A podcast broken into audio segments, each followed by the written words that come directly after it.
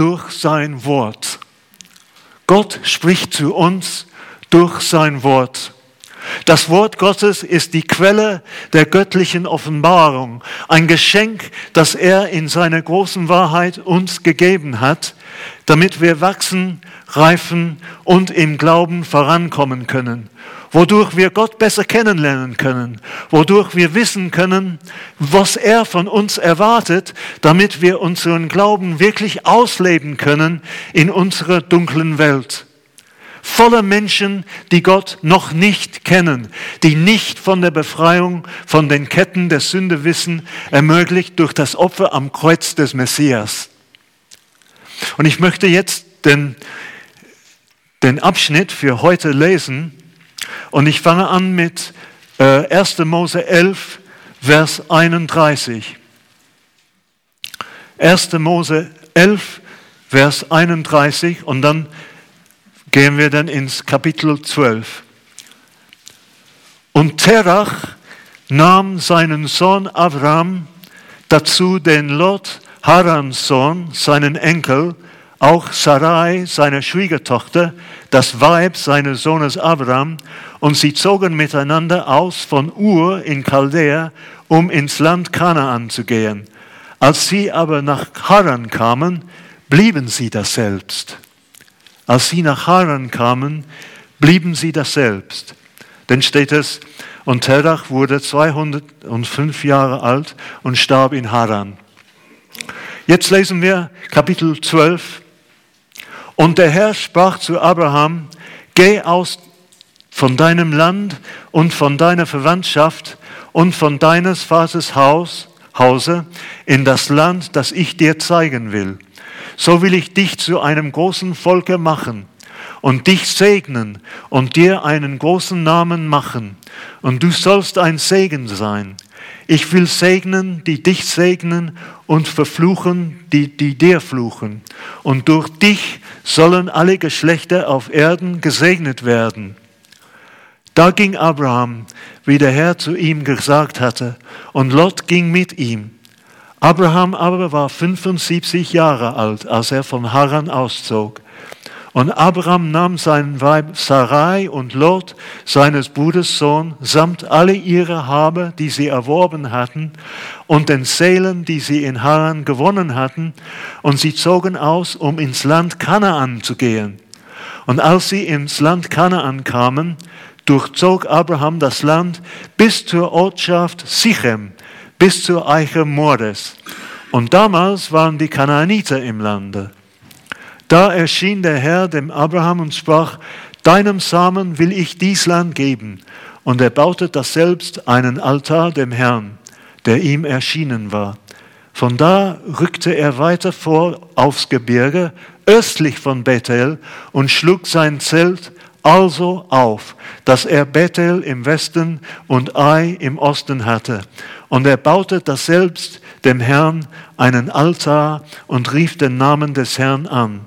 Danach brach Abraham auf und zog immer weiter nach Süden. Da aber Hungersnot im Lande herrschte, reiste Abraham nach Ägypten hinab, um sich das selbst aufzuhalten, denn die Hungersnot lastete auf dem Land.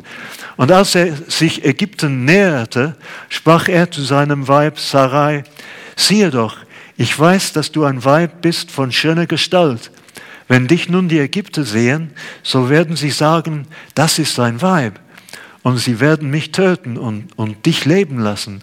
So sage doch, du seist meine Schwester, dass es mir um deinetwillen wohlgehe und meine Seele um deinetwillen um Leben bleibe.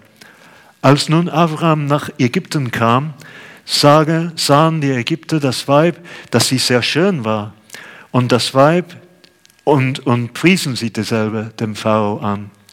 Da ward das Weib in Pharaos Haus gebracht, und es ging Abraham gut um ihretwillen.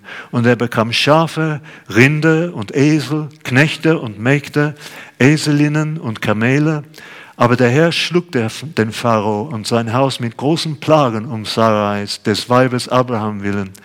Da rief der Pharao den Abraham und sprach, was hast du mir da angerichtet?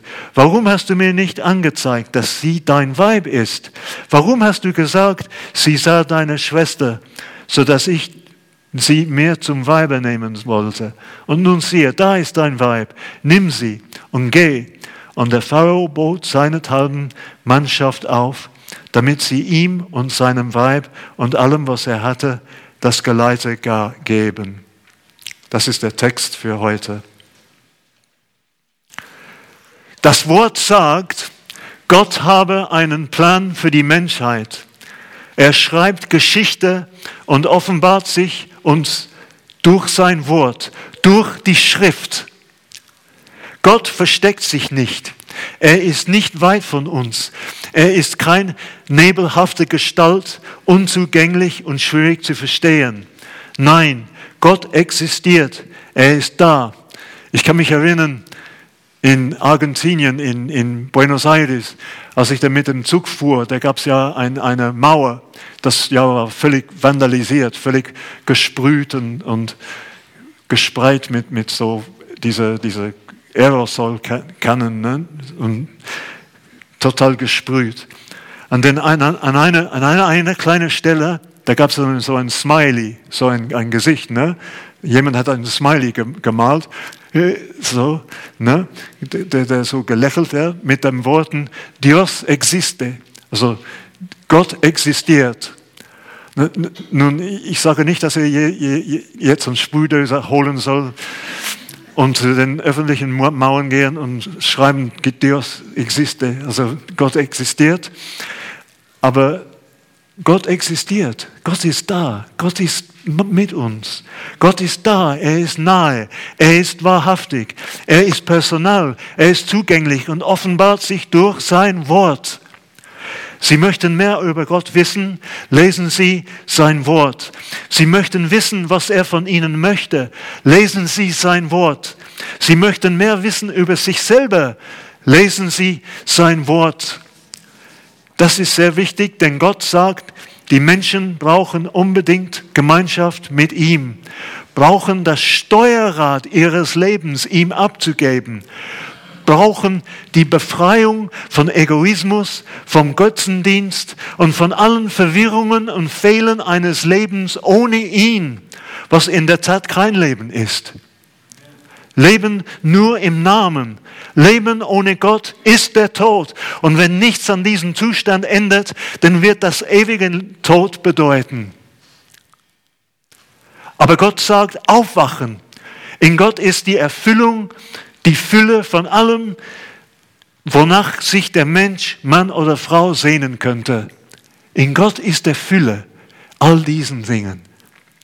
Und wenn sie das Heilsangebot des Messias noch nicht angenommen haben, werden sie den Lebenssinn, werden sie das Ziel ihres Lebens nicht erreichen oder erkennen. Und sie werden niemals erfahren die Fülle dessen, was Gott ihnen eigentlich schenken möchte. Und das ist äußerst traurig. Das sage nicht ich, sondern das sagt der Herr in seinem Wort.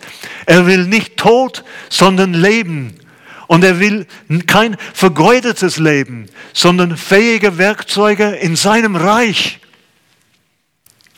Das Leben mit Gott bedeutet nicht das Ende aller Probleme, nicht das Ende aller Schwierigkeiten, Schmerzen oder Fehler. Aber ja, es bedeutet die Anerkennung, dass diese Dinge doch ihren Platz im göttlichen Plan für meinem Leben haben. Sie haben einen Sinn. Sie unterstreichen die Notwendigkeit, meine Unabhängigkeit, meine Unabhängigkeit von ihm abzugeben und die Abhängigkeit von ihm zu genießen. Denn die negativen Dinge haben nun einen positiven Sinn. Gott sagt, dass denen, die Gott lieben, alle Dinge zum Besten dienen. Und so ist es auch. Alle Dinge zum Besten dienen. Gottes Wort sagte uns das alles. Darum ruft uns Gott Menschen, die weit von ihm entfernt sind, damit sie fähige Werkzeuge in seinen Händen sein können in der Verbreitung seiner Herrschaft. Wen ruft er? Was sind dann die Anforderungen? Wollen wir einen Mann kennenlernen, der von Gott berufen wurde und entdecken wir einige der Lektionen, die Gott uns durch die Taten dieses Mannes zeigen möchte, durch das, was er tat und das, was er nicht tat, alles im Rahmen seiner göttlichen Berufung. Da haben wir denn schon diesen Mann kennengelernt. Ja, das ist Abraham. Abraham, eine Schlüsselgestalt im Heilsplan Gottes und gleichzeitig ein Beispiel für uns. Ein gutes Beispiel, ein gutes Beispiel, aber auch ein schlechtes Beispiel. Es ist egal. Wir lernen von beiden. Das will, das will Gott. Der hat nie einen Übermenschen berufen, sondern Menschen wie mich, wie Sie, wie Abraham. Im Grunde genommen alle unfähige Menschen. Abraham bekam einen Befehl vom Herrn. Ein ganz fester Befehl vom Herrn. Er musste Ur, seine Heimat und Erbe verlassen.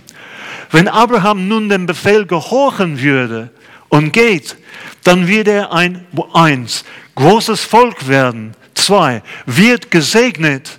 Und drei, wird einen großen Namen haben. Und darum wird er, Abraham, ein Segen sein. Im verheißenen Land im verheißenen Land, nicht in Ur, nicht in Ur. Also wird Gott diejenigen segnen oder verfluchen, die Abraham segnen oder verfluchen. Und durch ihn wird Gott alle Geschlechter auf Erden segnen. Wenn einer Abraham segnete, segnete er den Plan Gottes. Und wenn einer Abraham verfluchte, da verhinderte er dabei den göttlichen Heilsplan. Abraham segnen oder verfluchen bedeutete im Grunde Gott segnen oder verfluchen. Und ja, die drei Verheißungen finden seine Erfüllung in Messias, der der Weg des Heils, des Segens der Welt ging und ist. Galater 3, 8 bis Galater 3, 8 und 16. Die Schrift hat es aber zuvor gesehen, dass Gott die Heiden durch den Glauben gerecht macht. Darum verkündigte sie dem Abraham, in dir sollen alle Heiden gesegnet werden. Vers 16, nun ist ja die Verheißung Abraham und seinem Samen zugesagt. Er spricht nicht durch die Samen aus durch viele, sondern aus durch einen, durch deinen Samen, welcher ist Christus. Und Gott ruft uns auch heute in seinem Dienst.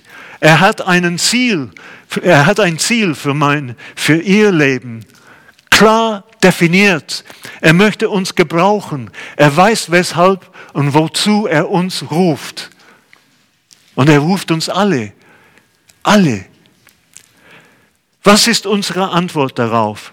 Im Psalm 119, Vers 105 lesen wir, Dein Wort ist meines Fußes Leuchte und ein Licht auf meinen Wege. Unser Leben in Glauben ist ein Weg, ein Weg in der Dunkelheit einer gefallenen Welt, die Gott retten möchte. Deshalb müssen wir auf unsere Schritte aufpassen. Und darum haben wir ein Licht, das Licht des Wortes Gottes. Ein helles Licht, ein grelles Licht des Wortes Gottes. Wir wollen jetzt einige, über einige Schritte reden, die die Füße Abrahams machten auf seinem Weg mit dem Herrn. Der erste Schritt ist Sieg durch Gehorsam. Vers 1 bis 5. Sieg durch Gehorsam. Die Bibel zeigt uns deutlich, dass Gott keinen Sieg in unserem Glaubensleben sucht. Ah, man sagt, das, das klingt ja interessant.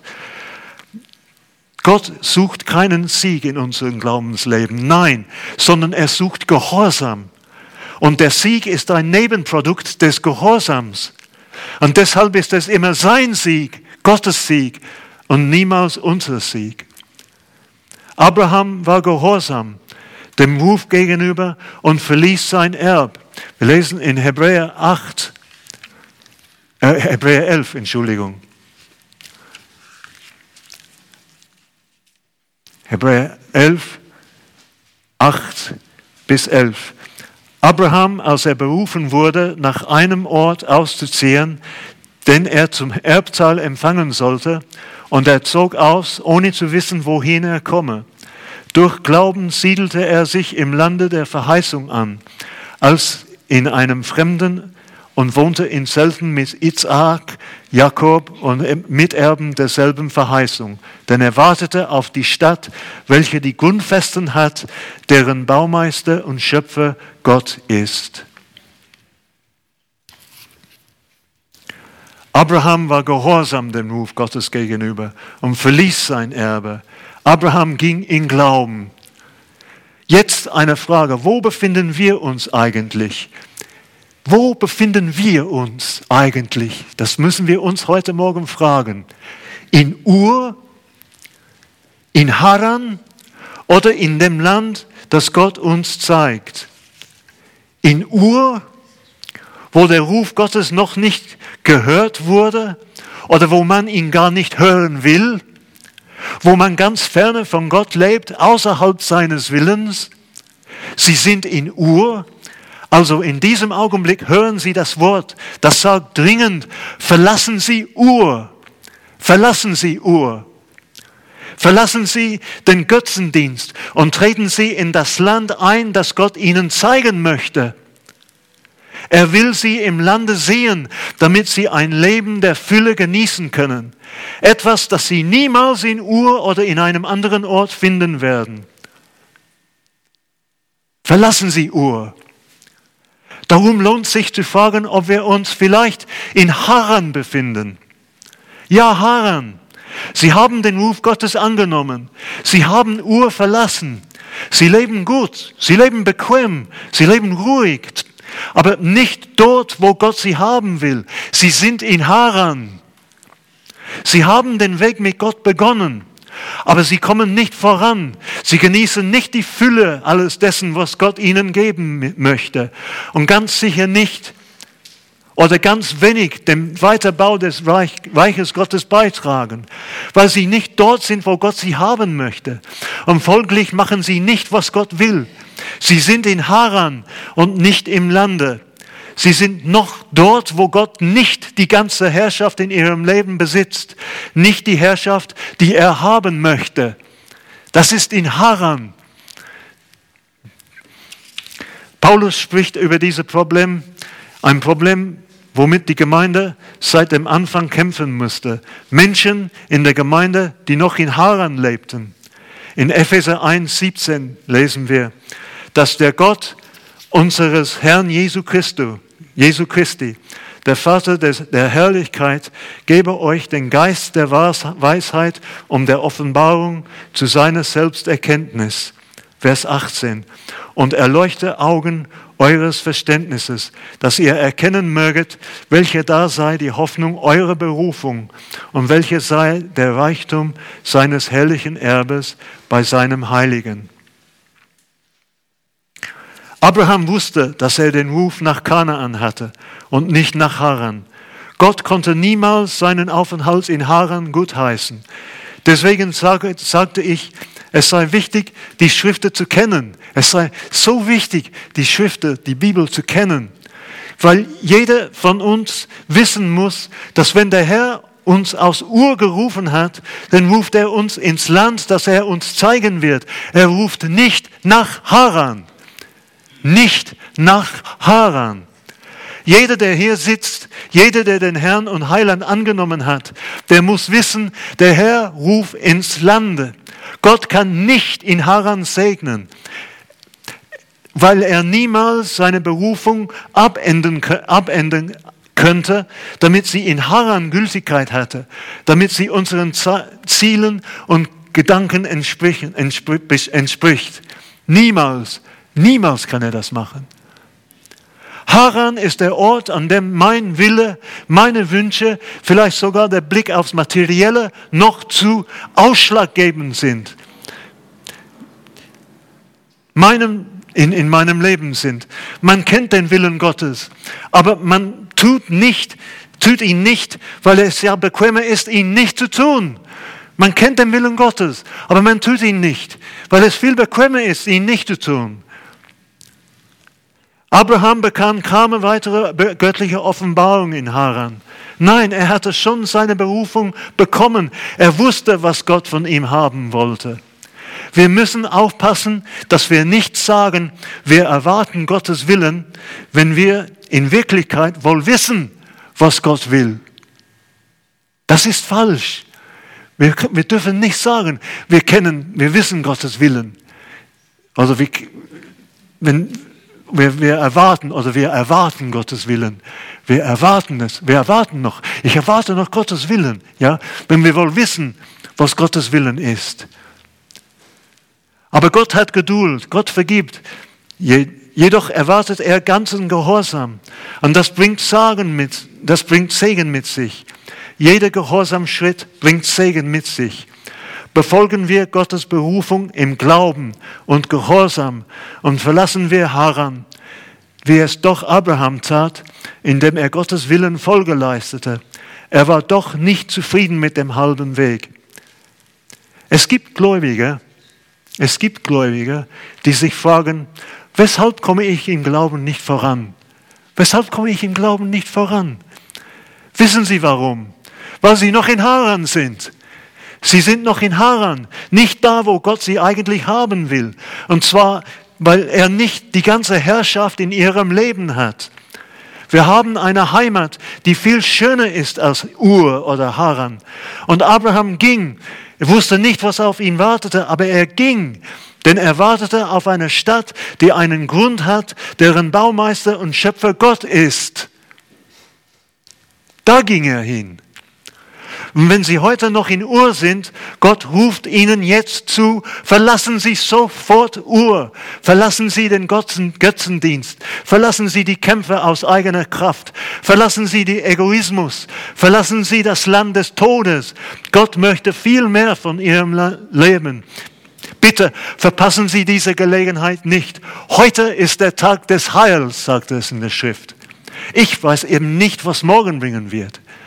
Das kann ich nicht sagen. Deswegen sagt die Schrift, heute ist der Tag des Heils. Heute. Heute müssen die Entscheidungen fallen. Oder sie haben den Ruf beantwortet. Sie sind erlöst. Sie sind errettet vom ewigen Tod. Jedoch erfahren sie irgendwie wenig oder nichts von der Fülle alles dessen, was Gott seinen Kindern schenken möchte. Aber wissen Sie, Sie sind eigentlich ein Gotteskind mit einem dicken geistlichen Bankkonto, das Millionen und aber Millionen von Euros enthält. Sie leben jedoch von einigen armen Cent als Gläubiger, aber sie wollen keine Verantwortung und sie wollen nicht, sich nicht verpflichten und werden dadurch nicht gesegnet. So geht das manchmal. Und wissen Sie warum? Sie sind nicht da, wo Gott sie haben will. Sie sind in Haran. Es kann sein, dass es dort bequemer ist, aber es ist nicht der Wille Gottes. Wollen wir doch vorankommen im Willen Gottes. Er hat den Weg zum verheißenen Land durch den Messias freigemacht. Wir gesegnet werden. Wir ges damit wir gesegnet werden. Aber vor allem, damit sein Wille für, für die verlorene Welt erfüllt wird. Zweiter Schritt, Wachstum zum Glauben, ab Vers 6. Gut, im verheißenen Land angekommen und alles klar. Es gibt keine Probleme mehr. Alles geht gut voran. Ein Leben ohne Sorge, ohne Schwierigkeiten. Selbstverständlich, oder? Wir sind im verheißenen Land gekommen. Nein, was ist los? Was ist, was ist los?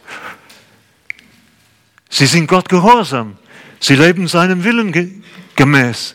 Sie verlassen alles und sie gehen ja hin. Sie, sie gehen hin ins verheißene Land. Und was finden sie dort? Es wohnten dort zu der Zeit die Kanaaniter im Lande. Aber äh, warte mal, Gott hat uns das Land gegeben. Es gehört uns. Was machen dann die Kanaaniter dort? Die sind stark, die sind böse, die sind viele. Komm, gehen wir zurück nach, nach Haran. Abraham kam ins Land fand, und fand die Kanaaniter vor. Ja, das ist wahr, es stimmt. Aber Abraham entdeckte nicht nur, dass die Kanaaniter im Lande waren, sondern dass auch Gott im Lande war. Haran war ja bequem. Kanaan bedeutete Kampf, aber mit Gott. Die Gegenwart der Kanaaniter im Lande war Prüfung, war eine Prüfung des Glaubens, den Abraham zeigte, indem er alles verließ. Eine Prüfung seiner Hoffnung und Geduld, seine, seines Vertrauens zu Gott. Abraham zeigte Gehorsam, tat, was Gott von ihm wollte. Und jetzt sagt ihm der Herr, deinem Samen, Samen will ich dieses Land geben. Gott sah schon viel weiter als das Problem. Das ist wichtig. Die Kanaaniter im Lande ist ein Ausdruck der Macht des Feindes, die auch dort im Lande ist, die versucht, ein Leben des Segens im Lande zu verhindern. Das sind Anfechtungen, das sind Angriffe, das sind Dinge, die uns Probleme machen und Schwierigkeiten. Und in der Tat scheint der Feind zuweilen äußerst mächtig zu sein. Aber vergessen wir niemals, dass auch Gott mit uns im Lande ist. Lesen wir Psalm 23, das berühmte Psalm. Er erquicket meine Seele, er führt mich auf rechte Straße. Vers 4. Und ob ich schon wanderten im finsteren Todestal, fürchte ich kein Unglück, denn du bist bei mir. Das ist ganz wichtig. Ich lese das nochmals. Und ob ich schon wanderte im finsteren Todestal, fürchte ich kein Unglück, denn du bist bei mir. Das ist ganz wichtig. Das steht da. Und ob ich schon wanderte im finsteren Tal. Anscheinend wir als Christen müssen wir irgendwann mal durchs finstere Tal. Aber das steht da, und ob ich schon wanderte. Wir sind nicht gesessen im finsteren Tal. Wir sind nicht abgelegen, abgelegen in, im finsteren Tal. Wir, sind, wir sitzen nicht herum im finsteren Tal. Wir wandern durch das finstere Tal. Und, und, und wir haben einen Gott, der vor uns geht. Der Pastor, der vor uns geht. Er geht ja durch den finsteren Tal und wir kommen ja nach. Ja, wir wandern nach. Wir, wir kommen nach. Wir sorgen nicht wir sorgen uns nicht wegen des Feindes. Wir schauen nicht auf den Feind. Wir erschrecken nicht. Wir wollen keine Angst haben, sondern wollen Gott danken, denn er ist mit uns. Gott ist mit uns. Das ist das Wort Emmanuel. Emmanuel heißt auf Hebräisch Imanu, Imanu. Es ist völlig, es ist ein völlig verdeutschtes Wort aus Hebräisch. Imanu, mit uns, El, Gott. Imanu, El mit uns Gott. Gott mit uns. Also auf Hebräisch mit uns, Imanu, El, Gott. Mit uns, Gott. Abraham schaute nicht auf die Probleme, schaute nicht auf die Kanaaniter, sondern baute einen Altar und Symbol auf die Anerkennung von Gott und seinen Wegen und der Bereitschaft, ihm zu dienen. Kanaan bedeutet Kampf, Kanaan bedeutet Prüfung. Kanaan bedeutet Herausforderung. Aber vor allem bedeutet Kanaan, dort zu sein, wo Gott mich haben will. Dort zu sein, wo Gott mich haben will. Das bedeutet Kanaan. Auf Hebräisch sagt man Knan. Nicht Kanaan, sondern Knan. Schauen wir nicht auf die Kanaaniter unseres Lebens. Sie sind zwar da, aber wir sorgen uns nicht darum. Wir wollen Gott dienen. Wir wollen uns nicht Angst machen durch die Kanaaniter. Die sind zwar da, aber Gott ist mit uns und wird uns durchbringen. Wir wollen niemals in jene Fälle reinfallen, indem wir sagen, gut, zuerst muss ich alle meine Probleme lösen und dann werde ich Gott dienen, dienen können. Oder wir lassen uns durch unsere Umstände lähmen. Nein, nichts von alledem, denn Gott ist auch da bei uns. Wir können dienen und vertrauen und große Dinge von ihm erwarten. Er wird uns niemals enttäuschen.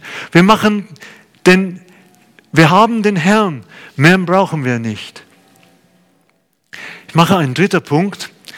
Das ist Reife durchs Vertrauen. Reife durchs Vertrauen. Reife durchs Vertrauen. Das ist der Rest unseres, unseres Abschnittes.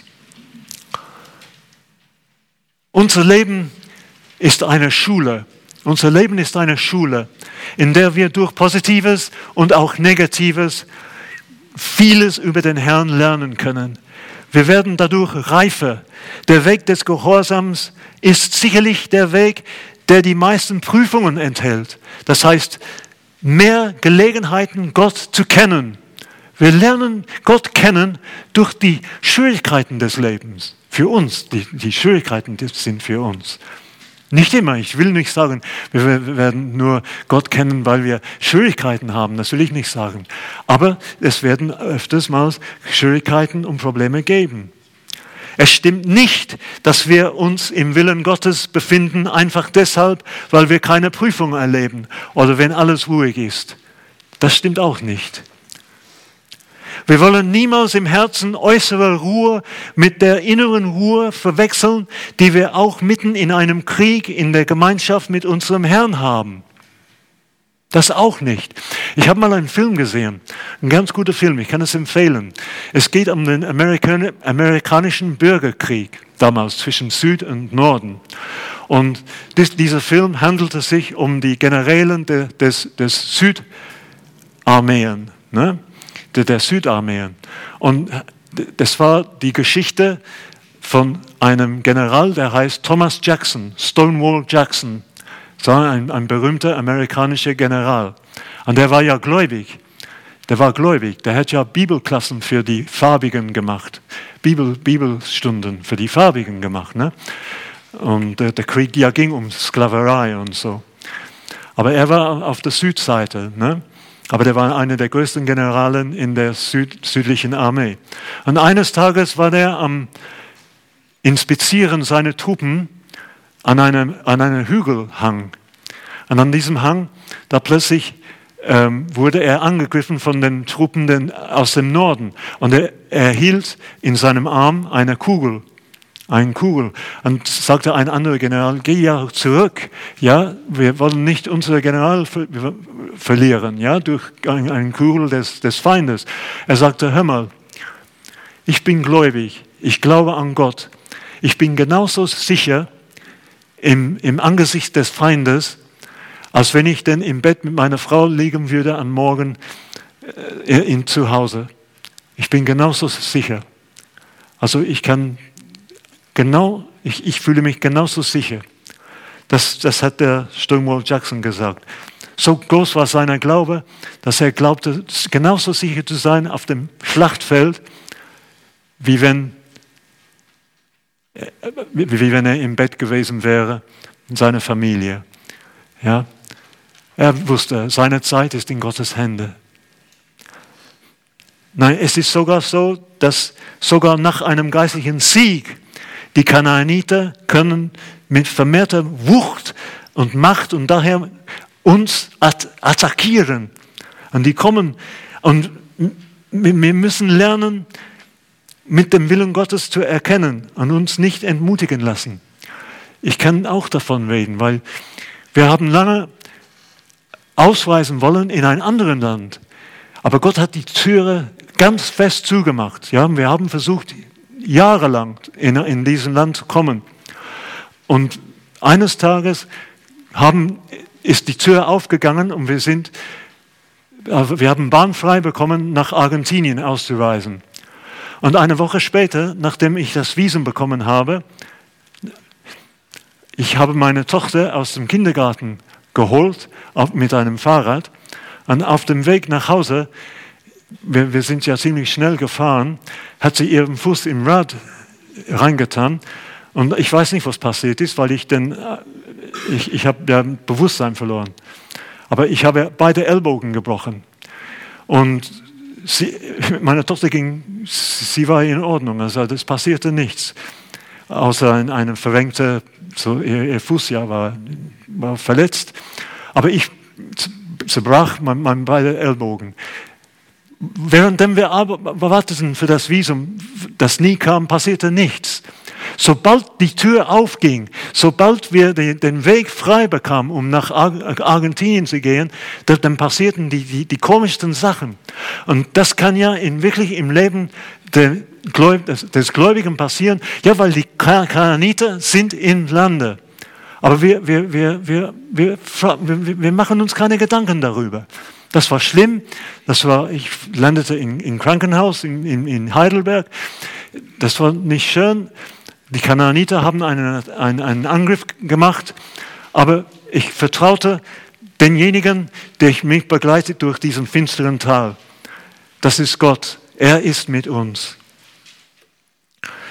Ich glaube, wir reden uns manchmal ein, wir erkennen den Willen Gottes darum, weil der Weg uns einfach vorkommt, weil der Weg uns, Entschuldigung, ich habe das falsch gesehen, weil der Weg uns einfach vorkommt oder weil er uns am meisten gefällt.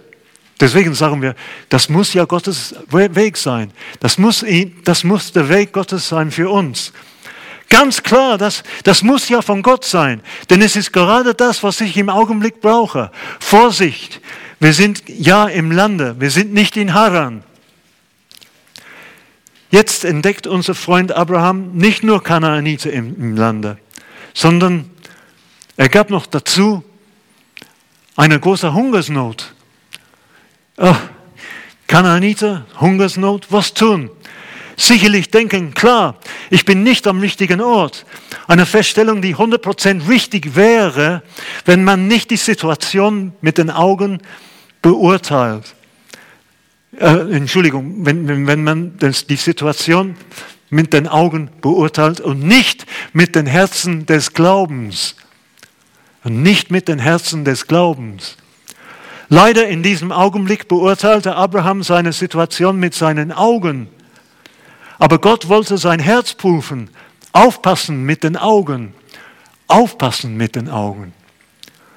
Paulus erhielt einen Ruf nach Mazedonien und er ging. Und was geschah? Er wurde glattweg ins Gefängnis geworfen. Nun, ein Herz, das nicht fest beim Herrn gewesen wäre, hätte vielleicht denken können, nein, dies ist nicht der richtige Weg. Paulus zweifelte aber nicht daran. Er hatte trotz allem die Sicherheit, dies ist der Weg Gottes und fing sogar zu singen an. Und das Ergebnis von allen dem, von allen dem, der Kerkermeister und etliche andere kamen zum Glauben. Ja, der Ort war richtig. Es ist immer eine gefährliche Sache, wenn wir anfangen, selbst einen Willen Gottes auf zusammenzubasteln unser eigener, unser eigener Ruf zusammenzubasteln.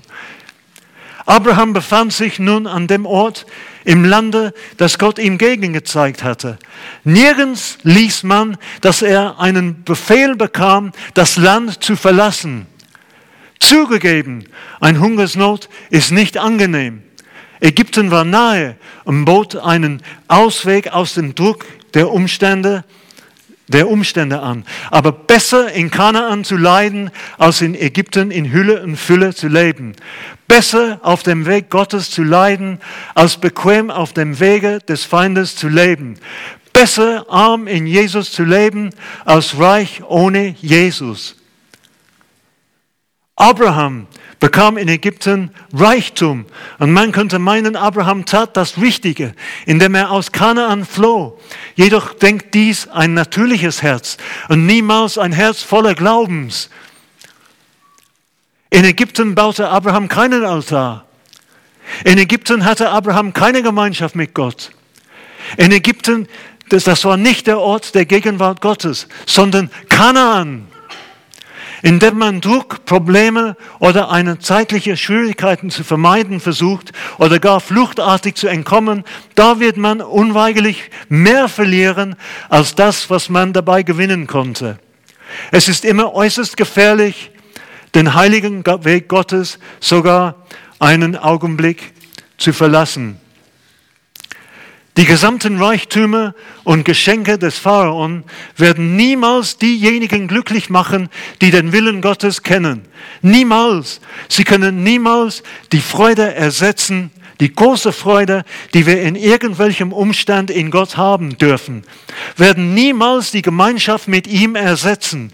Werden niemals das reine, ruhige Gewissen ersetzen, das wir durch Jesus haben dürfen oder das das bevollmächtigte Zeugnis, das wir ihm haben wollen. Und aufpassen, das steht ja in Apostelgeschichte 1.8. Ihr werdet meine Zeugen. Ihr werdet meine Zeugen.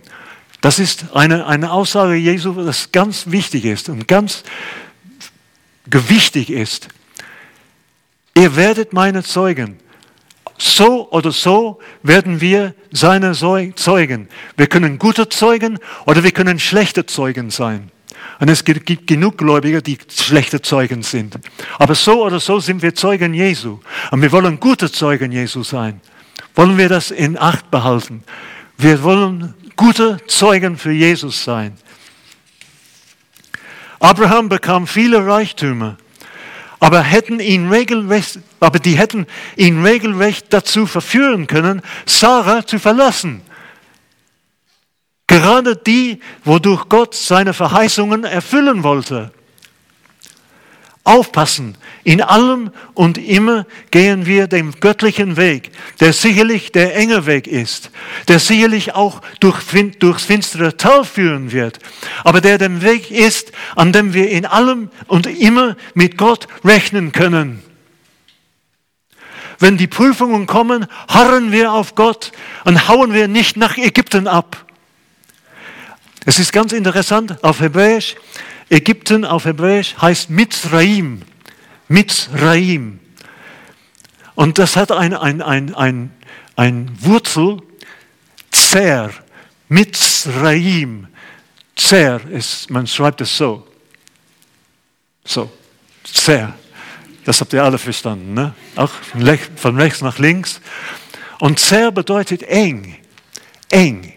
Also Mitzraim bedeutete die Enge der Sünde. Deswegen war das so wichtig, die, der Auszug aus Ägypten. Der, der erste Gebot, das erste Gebot im Judentum ist nicht, du solltest keinen Gott neben mir haben. Das erste Gebot in, im, im, im Judentum ist, ich bin der Herr, dein Gott, der euch aus man könnte sagen, aus der Enge der Sklaverei, der Sünde Ägyptens. Deswegen ist das so wichtig, dass man Hebräisch eigentlich ein bisschen lernen kann, dass, damit man dann sieht, dass, dass Mitzrayim, Ägypten heißt Enge, Enge der Sünde, die Enge der Sünde. Jede Prüfung ist eine gute Gelegenheit, unser Gehorsam Gott gegenüber zu zeigen. Harre des Herrn Harre des Herrn, sei getrost und unverzagt und harre des Herrn, sagt es in Psalm 27, Vers 14. Harre des Herrn, seid getrost und unverzagt und harre des Herrn. Sieg durch Gehorsam, Nummer eins. Die Berufung bis zum Ziel verfolgen und nicht mit dem halben Weg zufrieden zu sein. Nummer zwei, Wachstum durch Glauben schauen wir weniger auf die Kanaaniter, die Probleme, die sicherlich da sind, sondern schauen wir auf unseren großen und treuen Herrn, der auch da ist. Reife durch Vertrauen. Basteln wir keinen eigenen Willen Gottes zusammen. Lernen wir aus dem Leben Abrahams und möge Gott uns helfen, nach seinem Willen zu leben und da werden wir die Ziele erreichen, die er für uns hat. Wir sind nun 26 Jahre in, in ich wollte bloß sagen, in Ägypten. Ja. Wir, wir sind noch 26 Jahre in Argentinien. Und ich kann, ich kann Ihnen, ich, ich kann Sie vergewissen, es gibt nichts Besseres, nichts Besseres im Leben eines Gläubigen, als zu wissen, dass man am, am, am Ort ist, dass Gott ihr einem haben will. Und das geht das, das, das macht nichts, was das ist. Das kann als Missionar in, in, in, in Argentinien sein. Das kann derjenige, der den Kaffee ausschenkt. Es kann jemand, der der, der, der Klo putzt.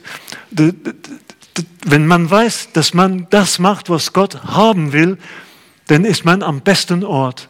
Und dann soll man froh und kann man wirklich glücklich fühlen, dass man an dem Ort ist, wo man was, was, was Gott haben will. Aber Gott sei gedankt, aber Gott sei gedankt, der uns alle Zeit Sieg gibt in Christus. Amen.